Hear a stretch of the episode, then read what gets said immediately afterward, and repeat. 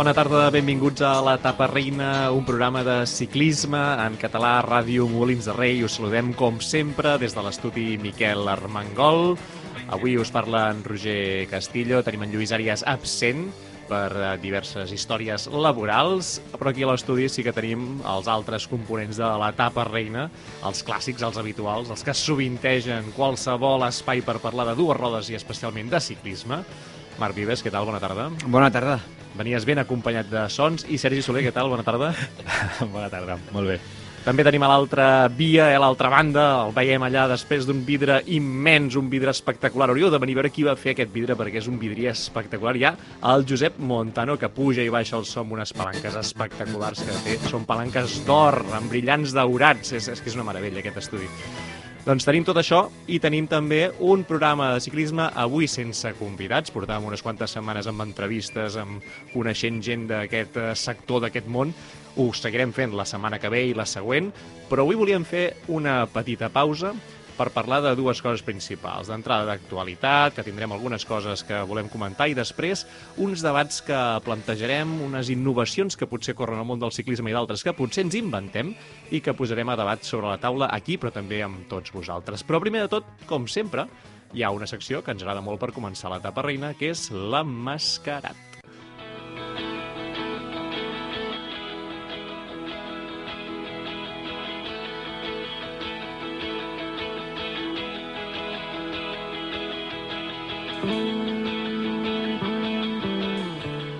I l'emmascarat Sergi Soler, sempre comencem doncs, intentant revelar qui hi havia eh, darrere les sis pistes de la setmana passada. Efectivament, Roger, doncs eh, anem a desemmascarar aquest, eh, aquest ciclista, que era un ciclista italià ja fa uns anys, no? evidentment, que, que es va retirar.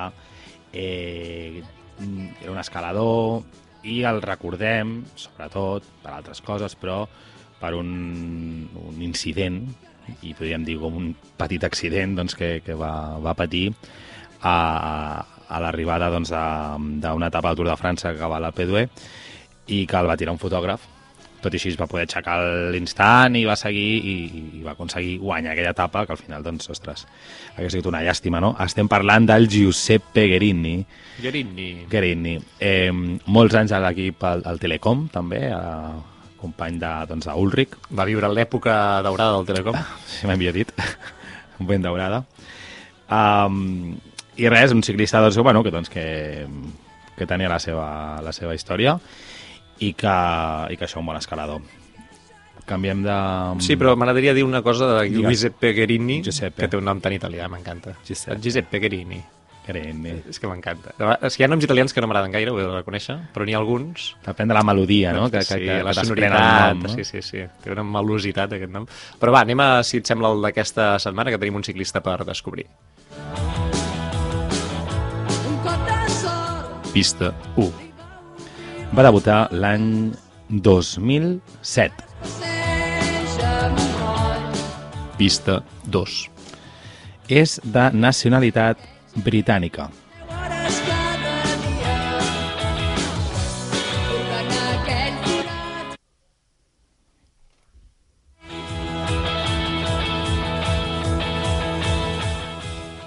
Pista 3. El primer equip professional va ser el Team Cònica Minolta.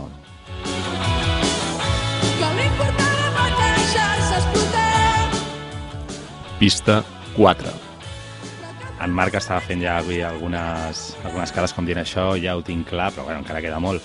L'especialitat, classificacions generals. Pista 5. La darrera victòria com a professional va ser la 19a etapa del Giro d'Itàlia de 2018.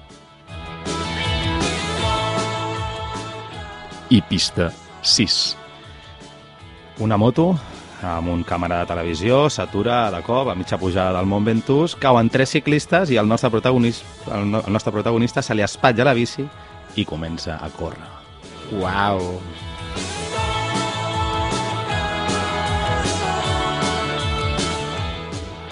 A quina pista l'has descobert, Marc? Cònica Minolta. Bueno, coses de, de Pro Cycling Manager. No, no, està bé, està bé, està bé. Diguem-ne que suposo... No sé si el 100% de, dels oients ho sabran o no. És a dir, això mai el se sap. 150. No? De vegades hi ha, Bueno, ja, o sigui, sí. de vegades hi ha gent... molt perdut, eh, Clar, o, o ser molt jove, haver començat Sí. a mirar el ciclisme Tenir aquest 3 any. anys, tenir 3 anys, I sí. no, de vegades passa, eh? De vegades ens sorprèn la gent.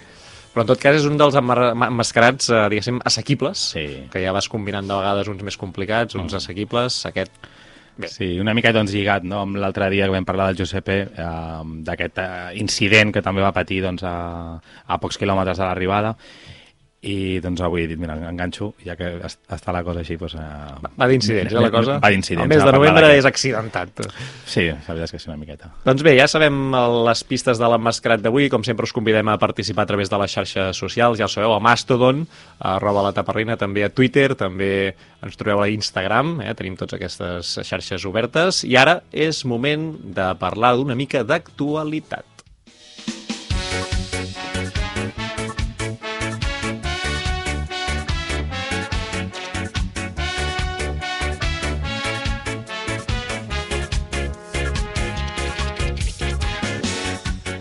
D'actualitat ja sabeu que no n'anem molt servits aquests dies a nivell de ciclisme de carretera. Hi ha una notícia d'avui mateix que és en clau de fitxatge o permanència, podríem dir, perquè al final ja estava corrent aquest ciclista amb l'equip on ha fitxat per al 2023 i pel 2024. Ens referim a en Gleb Siritza, que vam parlar d'ell fa uns quants programes, eh, ja sabeu, vam parlar amb el responsable de l'equip català, eh, que era, diguéssim, no sé si li propietat o, o que tenia en tot cas els drets de, de Siritza per competir.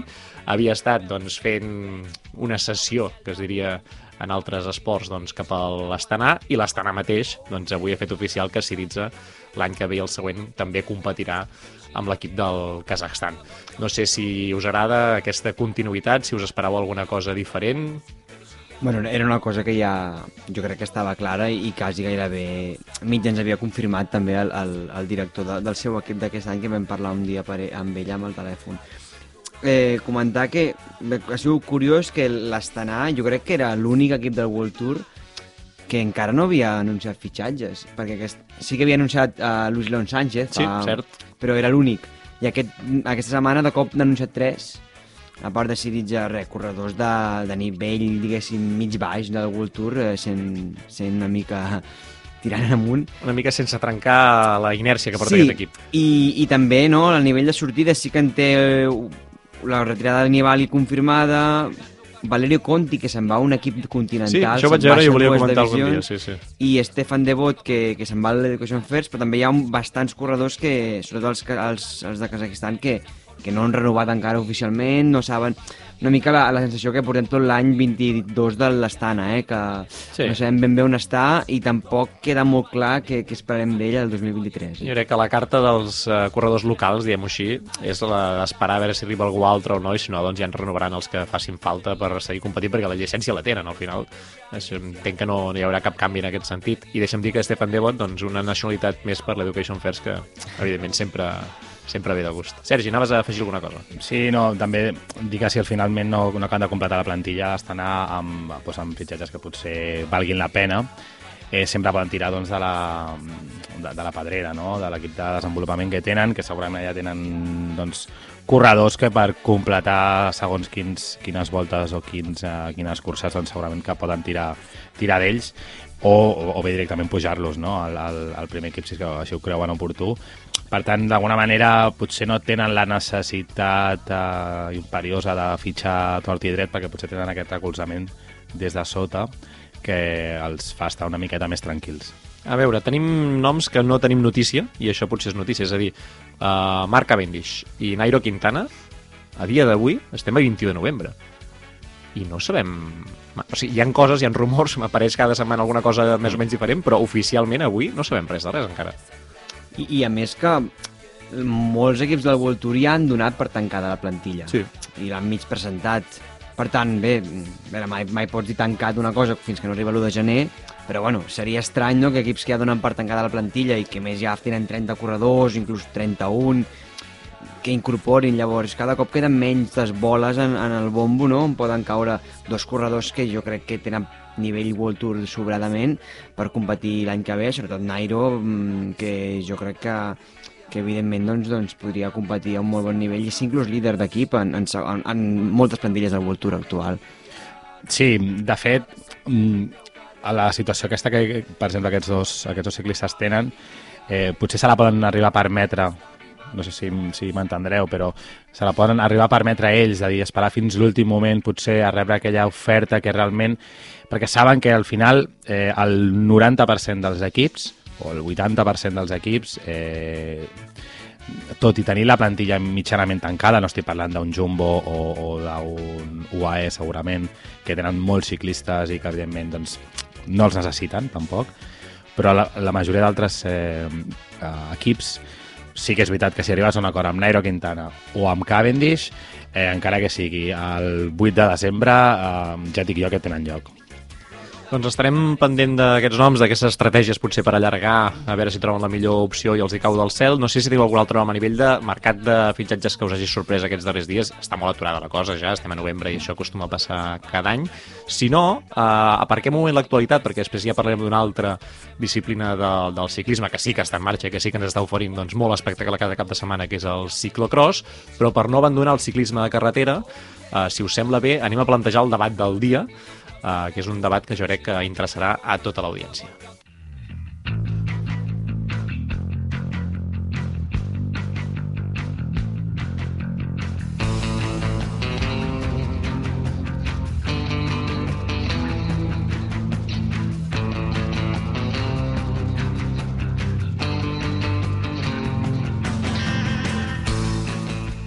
En el món del ciclisme han passat doncs, més de 100 anys que tenim grans proves hi ha hagut pocs canvis, podríem dir. Al final mm, segueixen anant persones en bicicleta, intentar guanyar altres persones que van en bicicleta, arribar al primer a la meta, a fer un còmput de temps i endur-te doncs, una cursa d'un dia o una general per etapes. Això, diguéssim, la base no ha canviat massa amb el pas dels anys. Evidentment, quan parlem dels primers tours i veiem les etapes de centenars de quilòmetres que a vegades s'havien de fer, que es podia baixar, parar, menjar, prendre's el que fos, tot aquest tipus d'històries, o que pujaven de vegades amb la bicicoll si un coll no estava asfaltat. Evidentment, els contextos han canviat, però la norma, la norma base, continua sent bastant similar al llarg de la història. I ja fa temps que, amb aquest món que tendim cap al highlight, cap a les xarxes socials ràpides, de tenir un vídeo d'un minutet o d'acabar amb coses ràpides perquè estem consumint constantment moltes coses i el ciclisme d'alguna manera ens ha d'entrar eh, doncs, en aquest mapa mundi dels esports i ha de fer-se al lloc, trobem coses o singularitats que van intentant entrar des del món oficial del ciclisme, per tant des de la Unió Ciclista Internacional o des d'organitzadors d'algunes proves, per, jo crec, avançar en aquesta direcció, altres potser no tant, però que intenten innovar. I innovant el ciclisme de carretera eh, doncs ens porta a fer grans debats, si voleu, i avui en volem fer un, que és quines innovacions hi ha hagut en els darrers anys que ens estan agradant o no, ho posem a debat, ho valorem, les podem, diguéssim, eh, insultar si ens ve de gust o podem aplaudir-les si pensem que són idees interessants que potser s'han de retocar. En podem plantejar de noves, de coses que encara no s'han fet mai en el món del ciclisme i que, per tant, llancem idees de si ens agradaria que això tirés cap aquí o no, i ho fem amb el nostre director, Lluís Arias, que ens escolta. Lluís, què tal? Bona tarda. Què tal? Bona tarda, com esteu? Tu ets un expert en innovacions. Tu tota la vida te la passes més o menys eh, fent coses diferents cada dia perquè si no t'avorreixes de tu mateix. Llavors crec que ets un gran especialista per eh, entrar en aquesta taula de, de debat. Et sembla bé, Lluís? Se l'ha collonut. Va, anem a innovacions que ja existeixen i que hem vist en els darrers anys. En començo una, o per una vaja, que no sé si tindrà algun suport en aquesta taula i per telèfon. Una graella de sortida tipus no sé, un gran premi de Fórmula 1 a la pràctica, una graella d'aquestes clàssiques en què el primer es posa una mica més al davant i van sortint enrere els ciclistes, això ho hem viscut en una etapa de muntanya de tot un Tour de França.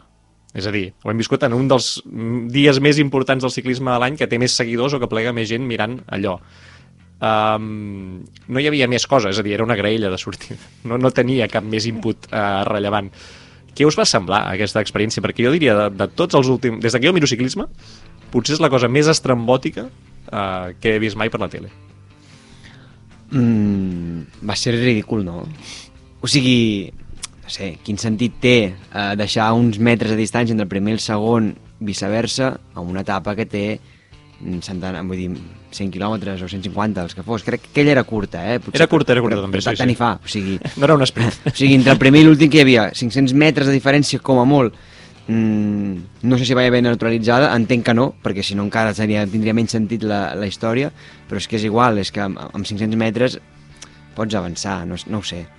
Mm, és, no sé, realment, jo crec que no, no va tenir massa sentit la, la història. Buscaven, buscaven una foto, una foto doncs, diferent, algo curiós i ja està. Plantejat així amb una cursa que té més de, posem el cas, 20 quilòmetres, que surtis 3 metres davant de, d'algú altre no té cap mena de sentit, evidentment, per agafar roda i vull dir que no, no, no té sentit. Hi haurien altres fórmules, després en parlem, que serien més entretingudes. Després intentem donar-li una volta a cada una de les idees. Si no ens ha agradat, intentem pensar què podria ser, o, o si no és útil de cap manera, doncs la, la descartem i la posem en un, en un calaix. Tu, Lluís, això et va sorprendre? Um, et va agradar? Vas intentar entrar al cap de la persona que va decidir això i vas també tenir un exercici d'empatia amb la persona que va acceptar aquesta proposta? Clar, jo d'entrada vaig... Quan, eh, perquè era maco. Quan ho veies, t'agradava, estava eh? dibuixat al terra... No, espera, espera, espera. No m'assenyalis, no m'assenyalis. Quan tu veies dibuixat al terra, dius, hosti, que xulo. Es, es situen els, els, els ciclistes, dius, ah, bueno, està bé. Es situen tots els altres, bueno, i llavors, com a foto és xula, i tal i com comença la cursa i veus que, que surten tots emparats, clar, això té lògica a la Fórmula 1 o, o fins i tot al ciclocross, que el ciclocross és així, no? Els que han fet més mèrits durant l'any doncs surten primer perquè ja surten sprint i és molt important la col·locació. Aquell dia, és que, és que, va ser, és que era tan absurd que donava esta vergonya. Dius, això no té cap mena de, de sentit. Creieu que es Però sí repetirà? cert que va ser bonic, jo crec que no. No, no, no. No, eh? No, no, no. I, I veieu alguna opció de canviar-ho? És a dir, amb una graella de sortida que sigui útil o útil en el sentit que algú li pugui semblar útil, perquè jo crec que ningú que ho va veure ho va trobar, va, va entendre què estava passant allà a nivell més enllà de l'estètica. És a dir, no hi havia cap canvi a nivell competitiu o que influís sobre la, la cursa. Penseu que hi ha alguna, algun sistema de sortida diferent que es pugui aplicar? Jo tinc, i fa temps, eh, una, una fórmula que vindria a ser al final com una graella de sortida, però en el qual doncs, el primer classificat de la General, per exemple, surt el primer, al cap d'uns segons eh, surt el segon, en funció de la distància que, que li porti. Òbviament, si, si, si, hauria d'haver un límit aquí, no? Si, si la, el segon classificat està a 6 minuts i, i és, posem-nos al cap, eh, una, una etapa eh, curta, eh, un circuit eh, que facin dos voltes a què sé, el circuit de Montjuïc o una mica més llarg, per dir alguna cosa, eh, 30 quilòmetres. I el... surten en funció de la classificació um, i en funció de la distància que portin. Entenc que això, que si hi ha molta distància és molt complicat, però sí que jo reduiria, per exemple, doncs, a un terç de la distància. És a dir, si du 6 minuts al primer classificat, doncs el segon surt a 2 minuts. I el que ha de fer és pillar-lo a l'altre. Al final no deixaria això anar contra la rellotge, o no, perquè tu et pots aliar amb els, amb els companys que venen per darrere o el que sigui, fer grup i, i pillar-lo, no? Seria una fórmula divertida, si més no, de, mm, bueno, de donar-li un, un, una volta al final a, a precisament a això, no? aquestes diferències a les classificacions i, i, i que aquí el treball equip sigui diferent, no? I això lligar-ho molt amb, amb, amb temes de uh, dividir uh, les etapes en sectors. Això m'agradaria molt que es recuperés, que ara ja no, no, no es fa gaire, però abans es feia moltíssim. Eh, I seria tot això una miqueta lligat, no? Un sector pel matí i potser eh, amb les distàncies que s'han fet, doncs sortir a la tarda amb això, amb un altre tipus de recorregut i, i, i bueno, buscar aquest espectacle en aquest, en, a, en aquest sentit. Et compro molt la idea, perquè de fet anava a llançar una idea molt similar, que és, el, m'imaginava, jo què sé, quatre jours de Dunkerque, no? Els quatre dies de Dunkerque que tornessin a ser quatre, això d'entrada, o sigui, que fossi la, la prova amb el nom, i que llavors l'acumulat que hi hauria a les tres primeres etapes, que no és un tipus de circuit que et faci desnivells o distàncies de 15 minuts o 20 minuts, diguéssim, a fer aquesta idea que tens tu, que, jo què sé, en pentatló modern, el laser run, per exemple, que es porta ara, és suma de punts i l'últim dia surten, doncs, això, no? El que va primer té un marge a la cursa final a peu i, i això es nota al final. O el biatló, quan hi ha la prova de persecució, és espectacular veure allò, perquè vas veient que la prova d'esprint ha marcat el que passa el dia següent i dona potència als que ja estan al davant, no? Jo crec que això amb grans proves no ho faria en absolut, perquè seria com desvirtuar doncs, el que és el ciclisme tradicional i el que segurament tots agrada, però una cop, un cop l'any, que hi hagués una prova a algun lloc i que fos una prova que li costa potser ara arrencar o tenir cert impacte, Jo no descartaria això, que dels sectors no hi havia pensat i trobo que encara és millor, perquè fas al matí pam i a la tarda ho, ho resols d'aquesta manera i crec que seria interessant que algun lloc, algun moment hi hagués aquesta... A mi m'agrada aquesta opció. Perquè plantegeu en, en format eh, contrarrellotge o en format etapa normal? Etapa normal jo ho faria. Sí, uh, surten quan els hi toqui, però clar, si hi ha molts que estan molt juntets a la general, doncs sortiran pràcticament junts mm -hmm. i per tant podran fer, fer grup. Um, doncs aquí hi hauria doncs, tota l'estratègia doncs, d'intentar col·locar molta gent prop del teu líder o, o, o aliances amb altres equips eh, per tal de, de, de batre els altres no sé, podria ser una, una cosa divertida. No, ho dic perquè aquesta, aquesta opció que plantegeu, que, que realment no m'havia passat pel cap, tindria la, la segona opció, que és fer-la com contrarrellotge, llavors seria com una contrarrellotge a temps real, perquè, imagina't, vull dir, sortiria primer el líder, Uh -huh. segon, el, llavors tothom faria un esforç igual que de la contrarrellotge actual, perquè cal complir una distància en el màxim temps possible, però amb la referència real de que t'estàs apropant al, al de davant, Sí, sí, sí. i que si l'apropes realment el passes a la general. Bueno, no sé, mm, sí que és cert que potser a partir del lloc 30 potser ja la gent diria per què corro, perquè és menys Clar, atractiu, però... Aquí potser el que s'hauria de fer per anar a buscar aquest format és tipus el que s'ha fet ara en proves de, diguéssim, combinades o de salts o que s'ha anat reduint els darrers llançaments o els darrers salts en atletisme i vas perdent, diguéssim, gent pel camí perquè els vas eliminant, perquè dius, aquests ja no poden guanyar, els, bueno, vas prioritzant, diguéssim, el rendiment immediat, no? Sí, això- Llavors això, si fessis una prova en què diguessis que només els 10 passen al segon sector fent aquest tipus de contrarrellotge, llavors les distàncies jo crec que sí que et permetrien jugar amb això, perquè si no tens potser un gran pilot, que això que diu el Sergi, et sortirien potser 70 amb 10 segons de diferència i al final és com si sortissis junts com la grella sortida que, que comentàvem, però jo crec que es, algo es podria explorar per aquí, no? Lluís, tu com ho veus? Una última etapa del Tour, en comptes de, la, del passeig que fan a París, que per ciclistes és molt maco però pels espectadors és molt avorrit, una última etapa del Tour amb el top 10 fent una, una contrarrellotge sortint pel seu temps. Ara, ara. Tu vas fort, tu vas a, tu vas a l'engròs, diguéssim. Clar, clar. Llavors, eh, el top 10 es decideix a l'etapa 20. Vale? Els 10 primers ja estan decidits. A l'etapa 21, que és la de París, els Camps Elisis, Les allà estrelles. tot, super, allà tot superxulo, i allà que és ample i poden anar tres en paral·lel en contrarrellotge, que no es molestaran i no et xuparan roda, i, i tot estarà més controlat, allà que es decideixi el podi eh, fent els, els 10 millors. Amics i amigues, estem fent una proposta que canviarà el rumb del ciclisme mundial. No sé si en sou conscients. Va, canviem de sintonia, que tenim més idees, més innovacions que s'estan fent al món del ciclisme.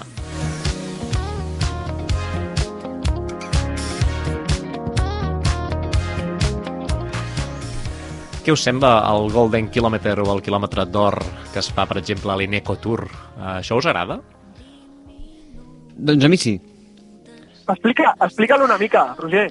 Doncs tens un, uh, una cursa, o sigui, una, una etapa en línia, per entendre'ns, normal i regular, però hi ha en alguns moments que els ciclistes, evidentment, i els equips ja saben en quins són, que hi tens un quilòmetre marcat, en què, i són de fet tres seguits, no, Marc, si us ho vols eh, doncs acabar d'explicar, en què juga com un bonus per a la classificació general, és a dir, dona uns, punts, uns segons extras ser el que s'imposa eh, en aquell quilòmetre, el que és el més ràpid en aquell quilòmetre, per tant, diguem que hi ha com diferents metes abans de la meta eh, forta, i això computa per la general, no només per un bonus per una classificació doncs, de, de sprinters o de muntanya o una meta volant clàssica, sinó que, vaja, aquí pots jugar, a més en proves que són relativament planes o en un terreny que no t'està generant doncs, grans eh, diferències, eh, no és un Tour de França, no és un Giro d'Itàlia, són proves bastant planeres, i això de vegades ha acostumat a, a marcar la diferència als terrenys o com a mínim a ser decisiu eh, quan mires el top 5 d'una general.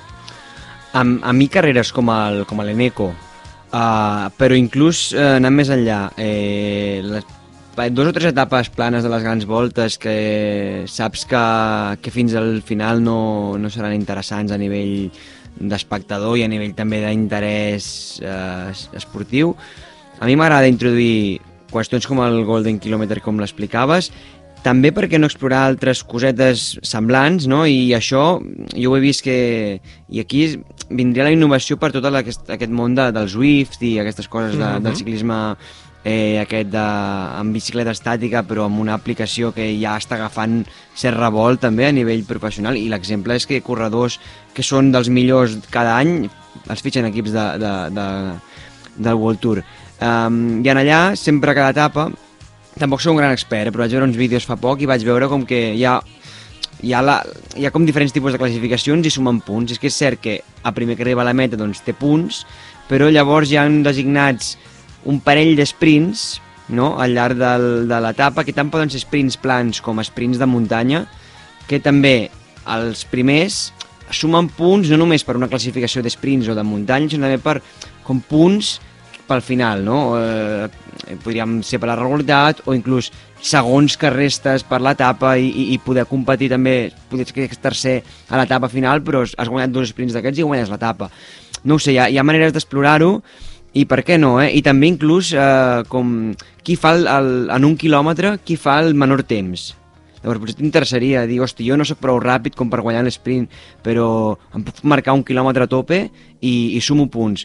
No sé, jo crec que amb etapes així planes que són suporíferes i amb voltes així com l'Eneco o altres voltes eh, més de menys orografia, eh, jo crec que podria ser interessant anar a fer cosetes d'aquestes, no? que, que crec que són interessants tant pels corredors, per equips, també donen opció a equips no punters a sumar punts en aquestes classificacions secundàries o terciàries i per l'espectador crec que també seria xulo veure-ho. Com, com bé dieu, és això, al final es, malauradament a vegades ens trobem uh, tardes de ciclisme en les que realment estàs esperant que arribi al darrer quilòmetre per, per, perquè hi hagi l'esprint final perquè abans no ha passat absolutament res. Eh, per tant, és, seria una manera de, doncs, de fer el, el gol de quilòmetre o, o, o algunes altres uh, opcions que, que has dit, doncs de tenir més la gent enganxada durant més estona eh, i no només enganxada, perquè enganxada nosaltres que som bastant friquis d'això doncs podem estar allà enganxats, però de captivar més gent i d'omplir doncs, tots aquests dies de, de poca expectativa doncs, eh, tenir un, un, doncs, això, una espectacularitat molt més gran Um, i, i, bueno, i per què no incorporar-ho, eh? inclús amb això, com tu deies, a grans voltes, eh, al final eh, la primera setmana del Tour de França, si no és pel vent o per alguna història malaurada, alguna caiguda o així, realment mm, crec que poques coses passen, acostumen a passar. Eh, per tant, jo crec que incloure alguna, alguna història d'aquestes seria molt, molt xulo. Lluís, vols afegir alguna cosa? No, que simplement al final és adaptar, jo en sé molt poc de ciclisme en pista, però és adaptar algunes normes similars a les que fan a la pista a la carretera, no? en algunes proves de pista. Eh, llavors, eh, doncs això, puntuar... Mm, que hi hagi puntuacions prèvies al, al final, això ho fan al, a l'Òmnium, no?, per exemple. Sí, sí, la, la, la prova per puntuació i, i, és així. Sí, per tant, pràcticament tot està inventat, no? Eh, L'únic que fa, falta és aplicar-ho a curses que potser necessitin aquest, aquest impacte que no tenen. Em, si us sembla bé, us llenço ara tres uh, temes molt ràpids, és a dir, comenteu només si... què us sembla, diguéssim, ja com a impressió no cal entrar-hi molt, però són coses que realment al ciclisme no hi estem massa acostumats. Una és uh, zones de públic que estan tancades perquè, diguéssim, es fa un circuit i la gent els veus va anar passant, anar passant, anar passant els ciclistes i a través d'això aconsegueixes que hi hagi gent que et pagui entrades, per tant deixes que uh, una de les grans virtuts del ciclisme històrica que és, que és accés lliure a tothom, doncs passa a ser de pagament per poder veure o tenir el millor lloc on passen els ciclistes i que tu puguis veure'ls passar per davant unes quantes vegades. Això us convenç? Creieu que és un model que el ciclisme ha d'explorar més o no? Jo, uh, d'entrada, la resposta seria no, però Uh, també s'han de tenir en compte algunes, algunes coses, com per exemple si el, en el circuit hi vol, hi vol anar molta gent i no hi cap realment tanta gent i és perillós després pels, pels ciclistes o um, el fet de que paguen una, encara que sigui una petita entrada, eh, doncs pots recaptar uns diners que afavoreixen la seguretat o els premis pels ciclistes o segons quins serveis, doncs, que, doncs en aquest cas um, en, ho entendria. És un nom basterís, diguéssim, no? Exacte. Mhm. -huh. Però d'entrada no, perquè al final doncs, és, és precisament el xulo és això, no? de, del ciclisme, de que tothom té la possibilitat d'apropar-se, de baixar de casa seva, si passen per, o, o anar a agafar la bici o el cotxe i anar-se'n on sigui a veure el ciclisme de màxim nivell, veure els teus ídols totalment de forma gratuïta. Uh, una altra cosa, les Hammer Series, que és una competició, diguéssim, ja més per equips, no? que trenca una mica amb aquesta idea del ciclisme com a esport individual, que els que el seguim ja sabem que no és un esport individual, sinó que si no tens un equip al darrere és molt difícil guanyar, però que ja t'ho porta com a l'extrem d'anar per equips. Això us ha interessat en algun moment quan s'ha fet? A mi No m'ha interessat per desconeixement, perquè va sortir una cosa... En el seu moment no vaig, no vaig tampoc eh, ficar-me gaire, també ell tenia un, un poc nivell a nivell 1, si les van posar com a nivell 2.1, ho van fer durant 3 anys, eh, van deixar de fer-les amb la pandèmia i durant la pandèmia no les han tornat a fer. Uh, sí que és cert que hi anaven equips importants, però no, no, no sé si és que no, no es va acabar d'explicar o, o, o, hi havia cert interès en que no, no acabés d'explicar-se bé perquè no guanyes adeptes, però va quedar com molt, molt amagadet, no? I al final, mm, fent una mica d'investigació, sí, doncs, doncs, doncs potser no està malament, no? Tenim un o dos moments a l'any on, on, on poder aquí tenir formats de competició i per què no donar-los un punt més de protagonisme, no fer-les a nivell pro i, i per què no plantejar-se una prova World Tour en aquest estil al moment de l'any al final tenim World Tours com el Guanxi o, o UAE, no? que, que aporten res Sí, sí, menys. eh? totalment. Per tant, uh, per què no? Mm, Jo crec que serien formats, són formats de pocs quilometratges, de circuits, competeixen per equip, també jo crec que pots acostar al públic, un públic diferent, un públic potser d'esports que doncs, aquesta tradicionalitat del, del ciclisme no, doncs, li fa mandra, però cosa, una cosa més dinàmica, més curta, doncs potser també l'acostaria. I al final, per què no? O sigui, jo crec que no, no fas mal a ningú posant una prova, per què no una nivell World Tour a l'any que sigui un punt diferent, no desvirtuaria tant el calendari a nivell general i crec que pot, pot, pot sumar. Va, i una darrera, Lluís, aquesta per tu. Uh, nostàlgia. La Copa del Món, el calendari de Copa del Món i aquell líder de la Copa del Món, que hi havia unes proves marcades durant l'any, això t'agradaria que es recuperés?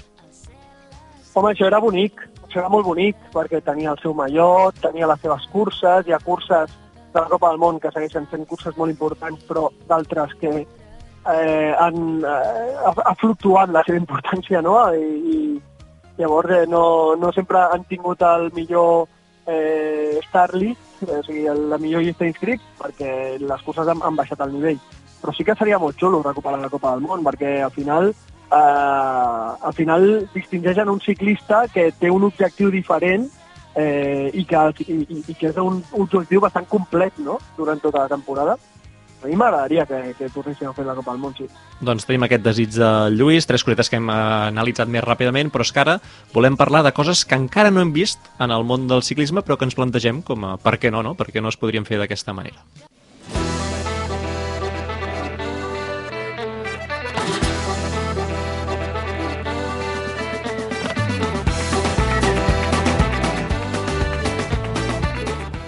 Va, en començo una que entenc que hi pot haver debat, que és quan un equip fa eh, doncs un 8 ara, abans era un 9, eh, per anar una gran volta, i són 3 setmanes de competició, ara hi ha alguns gairebé 4 setmanes perquè comencen abans i tot plegat, i tria uns ciclistes, mm, sempre té doncs, eh, una selecció a fer, no? té una prèvia, té un camp d'entrenament, acabes descartant-ne un, dos o tres. Algun d'aquests ciclistes es podria quedar amb l'equip durant tota la cursa i, en cas que hi hagi un lesionat, substituir-lo?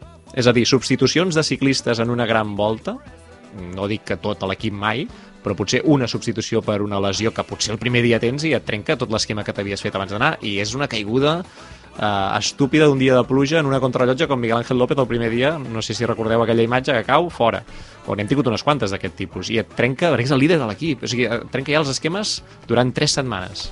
Us agradaria que això entrés com a opció o veuríeu que és un, un fet de desvirtuar completament el ciclisme? Crec que s'hauria d'anar molt, molt en compte amb aquesta, amb aquesta norma, per exemple, eh, si es proposés, um, perquè pot ser relativament... Tramposa. Eh, tramposa, no? En el sentit que...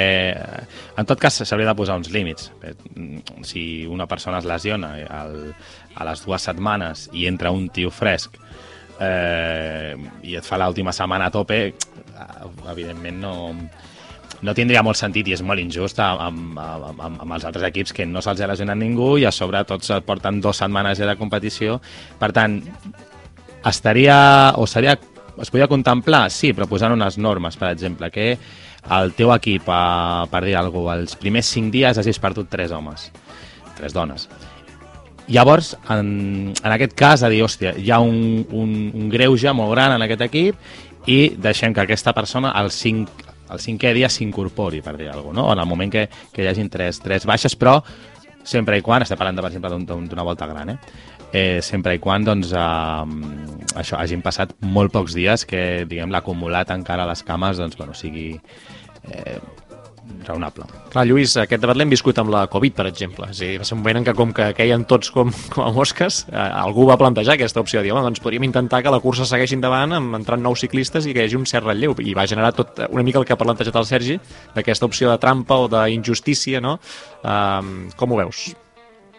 Jo crec que la gràcia que té el ciclisme és que depèn de tants factors externs, de la, depèn de la màquina, depèn de la meteorologia, depèn de que si se't creu un gos, depèn de si et pica una vella, depèn de tantes coses que això és la gràcia. I, i si el teu equip eh, perd el líder el primer dia, doncs una putada, però precisament aquesta és la gràcia. Que pot guanyar una mica qualsevol gràcies a això. Marc? Jo no faria canvis. És que, és que mira, és que calculo les paraules del Lluís, eh? Perfecte, perfecte. Doncs ja està. El, el debat queda resolt. És a dir, al final aquí es tracta de llançar idees, a les que siguin bones les guardem, i les que no, cap al calaix, com hem dit abans. Va, una altra, que aquesta és una idea que penso que seria interessant que la, la Unió Ciclista Internacional explorés. No sé ben bé com, però com que el pas dels anys ens està portant cap aquí, jo crec que hi hauria alguna opció, no a curt termini, però sí a mig termini, que és muntar una cursa World Tour mixta que serveixi tant pel calendari femení com pel masculí, que sigui com un punt de trobada. A la pràctica, ara, a dia d'avui, ja hi ha molts equips que estan en les dues categories. Jo em refereixo, imaginant un moment en què tots els equips estiguin obligats a tenir un equip femení i un masculí si volen ser World Tour, per exemple, això podria arribar a passar si la UCI s'ho plantegés, la llicència doncs la compra simultània tant per dones com per homes i d'aquí no pot sortir. Això no descartaria que la UCI ho acabi fent ja només per coneixement de les marques, reconeixement dels ciclistes, d'una mica l'estructura mental de fer-ho tot alhora, però que fos una cursa muntada doncs, de forma mixta, és a dir, que els, dos, els equips estan sumant eh, simultàniament mm, buscar la manera com s'hagi de fer, ja sabeu que als Mundials hi ha una contrarrellotge mixta com a idea que ja està en pràctica, però buscar aquesta fórmula perquè en un moment de l'any tinguessis doncs, aquest punt de trobada que, vist com està evolucionant el ciclisme femení, jo no el descartaria.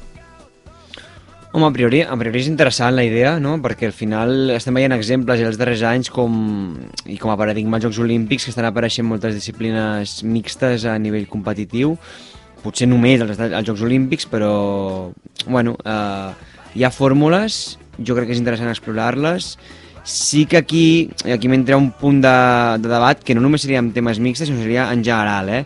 Mm, que potser caldria establir algun tipus de topall, o bé en general o bé per aquella prova, de, de sous o de, o de característiques tant per sobre com per sota perquè, bé, evidentment, doncs, doncs unes, certes estructures, si ja són molt superiors entre elles dins del World Tour per diners només en masculí o només en femení, si suméssim les dues doncs es duplicaria encara aquesta, aquesta desigualtat i seria més complicat no, la competència.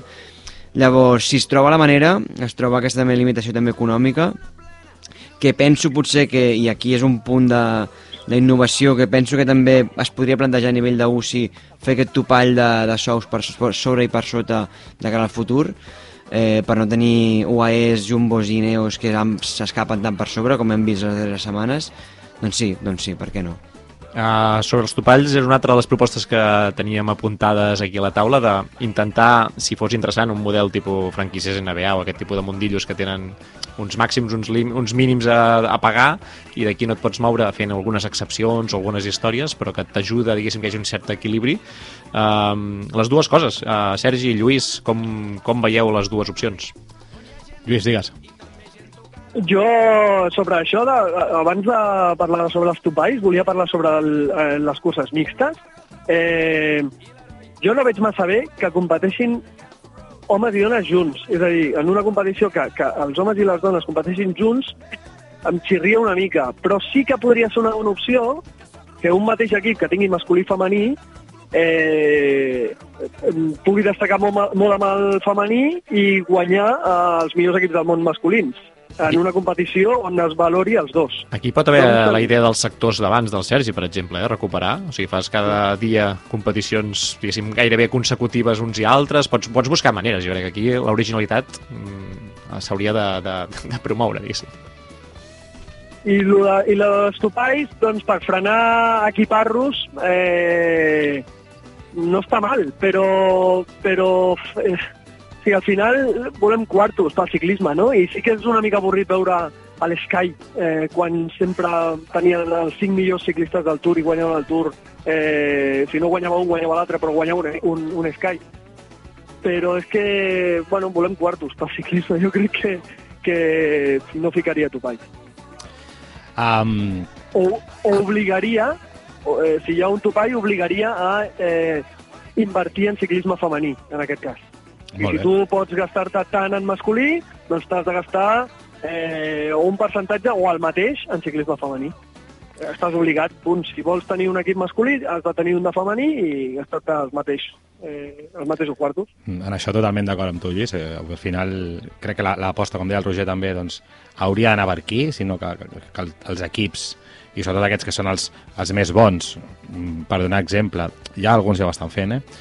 Um, doncs això, que apostessin també pel seu equip eh, femení. I, I en quant als topalls, doncs, no només passa amb el, amb el ciclisme, ho veiem pues, malauradament cada dia amb el futbol eh, i amb d'altres esports, on, on bueno, doncs hi ha una sèrie d'equips, una sèrie d'estructures eh, que pel que sigui doncs, eh, tenen molts quartos, per tant tenen molts més recursos, eh, a part uns recursos sense sentit, en molts casos, ja estic parlant potser més del, del futbol, però bueno, al, al final en, en ciclisme també hi ha, hi ha equips que és, una, que és una borrada el que tenen i després hi ha altres doncs, que han de fer virgueries per, per aconseguir doncs, això, muntar un equip que pugui ja només competir a les mateixes curses que, que, que aquests altres equips, simplement aguantar. Um, per tant, sí que hauria, hauríem de trobar una fórmula doncs això, no? que, que, que compensés tot molt més una miqueta, que d'alguna manera ho igualés. A, a Anglaterra, per exemple, la Premier ja fa molts anys doncs, que van intentar um, que el, els drets televisius, uh, per exemple, eh, perquè ja funcionen molt amb, a futbol, la pasta ve molt del, dels drets televisius, per exemple, doncs que s'igualés moltíssim i, i llavors el Fulham, per dir alguna cosa, doncs pràcticament mm, potser cobra el, el 70% del que cobra al United, per dir alguna cosa, no? Llavors, doncs buscar fórmules d'aquestes en, en, en, el- en els que mm, tothom tingués, si més no gairebé, les mateixes pos- possibilitats. Uh, abans d'acabar teníem una altra idea que ja no comentarem massa perquè se'ns acaba el temps. Marc, tu en tenies una de, Sí, de proposta? molt, molt senzilla. I en línia amb el que deia abans de, dels sprints puntuals o els quilòmetres d'or, seria doncs, eh, donar punts UCI als corredors que es fiquen en fuga o un, a partir de X quilòmetres, no? O sigui, Joel Nicolau amb punts UCI extras perquè aquest any s'ho ha currat, no? Exacte, llavors també doncs, els equips petits que lluiten fugues doncs, al final tindrien més punts UCI i també al final, eh, segons quines etapes, probablement també equips bons es lluitarien per fugues de qualitat. I jo en tenia una altra que era que m'agradaria que s'acabés veient, perquè ja que la UCI tendeix cap aquí amb això del gravel i aquestes històries, que hi hagués una prova a l'any que hi volgués participar qualsevol ciclista de qualsevol de les disciplines, sigui des de ciclocross, trial, mountain bike, carre- carretera i tot, i que fos una combinació tot plegat, com una prova combinada eh, dins del ciclisme. No un dia en què hi ha totes les proves, sinó una sola prova que aglutina aspectes de cada una d'elles i que fos una, una bogeria màxima, una cosa totalment, doncs, eh, doncs això, embogida. és, eh, seria molt divertit. Um, al final, no, no, no, estem, no estàs dient, no segurament doncs, de eh, implementar això tot arreu, sinó un dia concret, i pot ser doncs, precisament a finals d'any o a principis d'any, que potser encara... Doncs, Tipus criteri, em sembla que un criteri, sí, perquè no- no al, més. al final aquestes històries ja, ja es fan, per exemple, um, el, fan el Tour d'esquí, quan fan el Tour d'esquí a finals d'any i principi d'any. Um, al final és, bé, és això, diferents estils de, de cursa que, que bueno, potser un és especialista en una cosa, però eh, també has de fer les altres i seria molt, molt divertit. Tanquem el debat aquí, Lluís. Moltes gràcies per acompanyar-nos en aquest eh, debat. Nosaltres anem a l'emmarcat.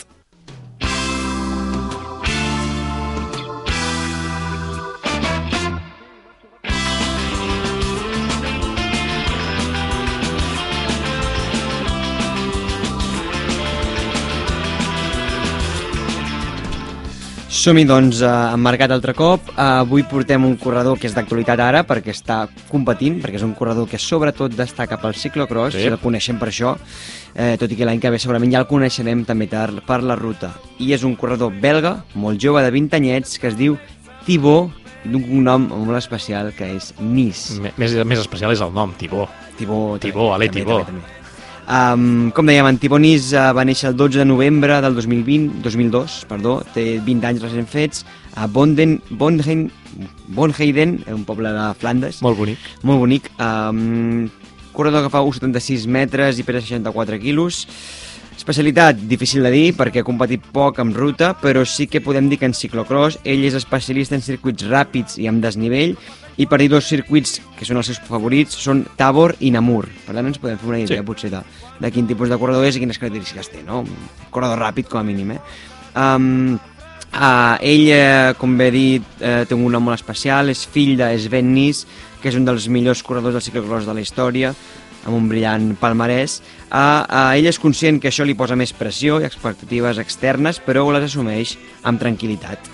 Uh, ell des de ben petit uh, doncs ja comença amb el món del, del ciclisme, uh, el seu pare el tutoritza, uh, el seu pare és un tio que l'agafa, el fa de preparador físic, el fa de mentor, li fa de, de, de, de conseller, li Molt fa de pesat, representant. no? Molt pesat, no te'l treus de sobre, eh? Ah, exacte. I bueno, doncs des, de, des de petitó ja està competint amb clubs, amb la selecció, amb competicions nacionals, internacionals. Ell, tant d'infantil com de cadet, és campió nacional. Parlem de campió nacional de Bèlgica, que és un país on van sobrats a nivell de ciclocross, per tant, bé, que sigui dels millors de, del seu país vol dir que és dels millors del món. Uh, I també competeix en ruta durant l'any, però clarament com a preparació a l'hivern uh, pel ciclocross, que és on ell vol brillar. Ell el 2018 és el seu primer any, eh, encara és cadet eh, al, al ciclocross, 17-18, eh, però ja fa el, competeix com a júnior amb l'equip eh, Drinks Fidea, que és un equip, el Fidea, un patrocinador clàssic del ciclocross a Bèlgica, Ah, I el 2019, eh, el seu segon any com a júnior al ciclocross, aconsegueix 7 victòries ja, eh, una de la Copa del Món i 14 prodis, sent el seu primer any de júnior al ciclocross. Déu-n'hi-do. Uh, a més a més fa quart al Mundial, uh, sent primer any, com dèiem. En ruta um, fa dos victòries, el calendari nacional va fent, però encara com a preparació del ciclocross, eh? no, és com una cosa secundària. De sub-23, el 2019-20, a l'hivern del 19-20, seria el seu segon any de júnior. Atenció a la dada, segon i últim any de júnior. 26 dies de competició, 22 victòries. Uh, un segon, dos tercers i un quart lloc. Anava a fer broma, però és que és molt bèstia, eh? I d'aquestes 22 victòries, 6 són la Copa del Món i el Mundial. Uh, en ruta no competeix, doncs perquè és l'any del Covid i, i pràcticament no hi ha competicions. 2021 hi ha un canvi. Fitxa pel Valuas Trek Lions, per tant ja entra aquesta estructura del Trek. El Valuas Trek Lion és, és com diguéssim l'equip eh, de, de ciclocross del, del, del Trek i competeixen corredors com Sirin Van Roy o Lucinda Brand, que també competeixen en ruta durant l'any amb, el, amb el Trek. Uh, com dèiem, passa ja a córrer amb elit, sobretot, per tant, les categories sub-23 se la salta una miqueta, uh, aquell any corre només carreres C1 i C2, no corre cap Copa, de, Copa del Món, aconsegueix diversos top 10, però és en ruta, és l'any on fa el salt, així com l'any passat de ras al ciclocross, aquest any fa el salt al ruta, que sempre s'havia pres una mica com a preparació, i enguany doncs, aconsegueix quatre victòries al calendari nacional i, atenció, es proclama campió europeu davant de Pipo Baroncini i Ayuso i sisè al Mundial de Namur. Si passem ja aquest any al 2022, a l'hivern passat eh, aconsegueix 3 victòries i 5 podis en carreres C1 i C2 i queda tercer al Mundial Sub-23 de ciclocross. Eh, en ruta fa una temporada molt completa, ha guanyat l'etapa i la general de la Fletxa del Sud eh, i a més eh, debuta ja en carreres punt 1 i punt pro aconseguint un parell de tops 5 amb, amb corredors doncs, de primer nivell del World Tour. Com dèiem, 2023, també 24, fitxa pel Trek Serrafredo en ruta, Bé. per tant eh, correrà en ruta un calendari ja a nivell World Tour, aniran a poc a poquet, ja li han dit, eh, seguirà compaginant amb el ciclocross, de fet ja ha començat la temporada de ciclocross, va ser sisè ahir entre els elits de la Copa del Món, eh, ha guanyat dues proves d'en sub-23 de la Copa del Món, les que no ha corregut amb elit, i les que ha corregut amb elit ha fet sisè i cinquè. Per tant, eh, dins del món del ciclocross també estem parlant d'algú que, que els propers anys probablement estarà lluitant per, per guanyar mundials. Eh, poc més, eh, Tibonís, eh, 20 anys recent fets, una altra perla. Una perla, perla, eh? Aquest, aquest sí que realment el futur eh, seu és el, és el cel. Va, una mica d'actualitat abans d'acabar que parlam de ciclocross.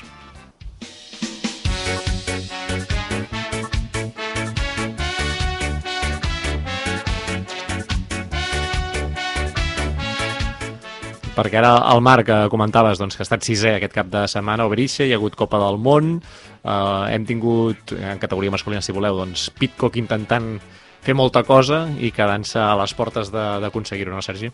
Sí, um, mala sort també s'ha de dir, Pitcock. Eh, segurament era el més fort.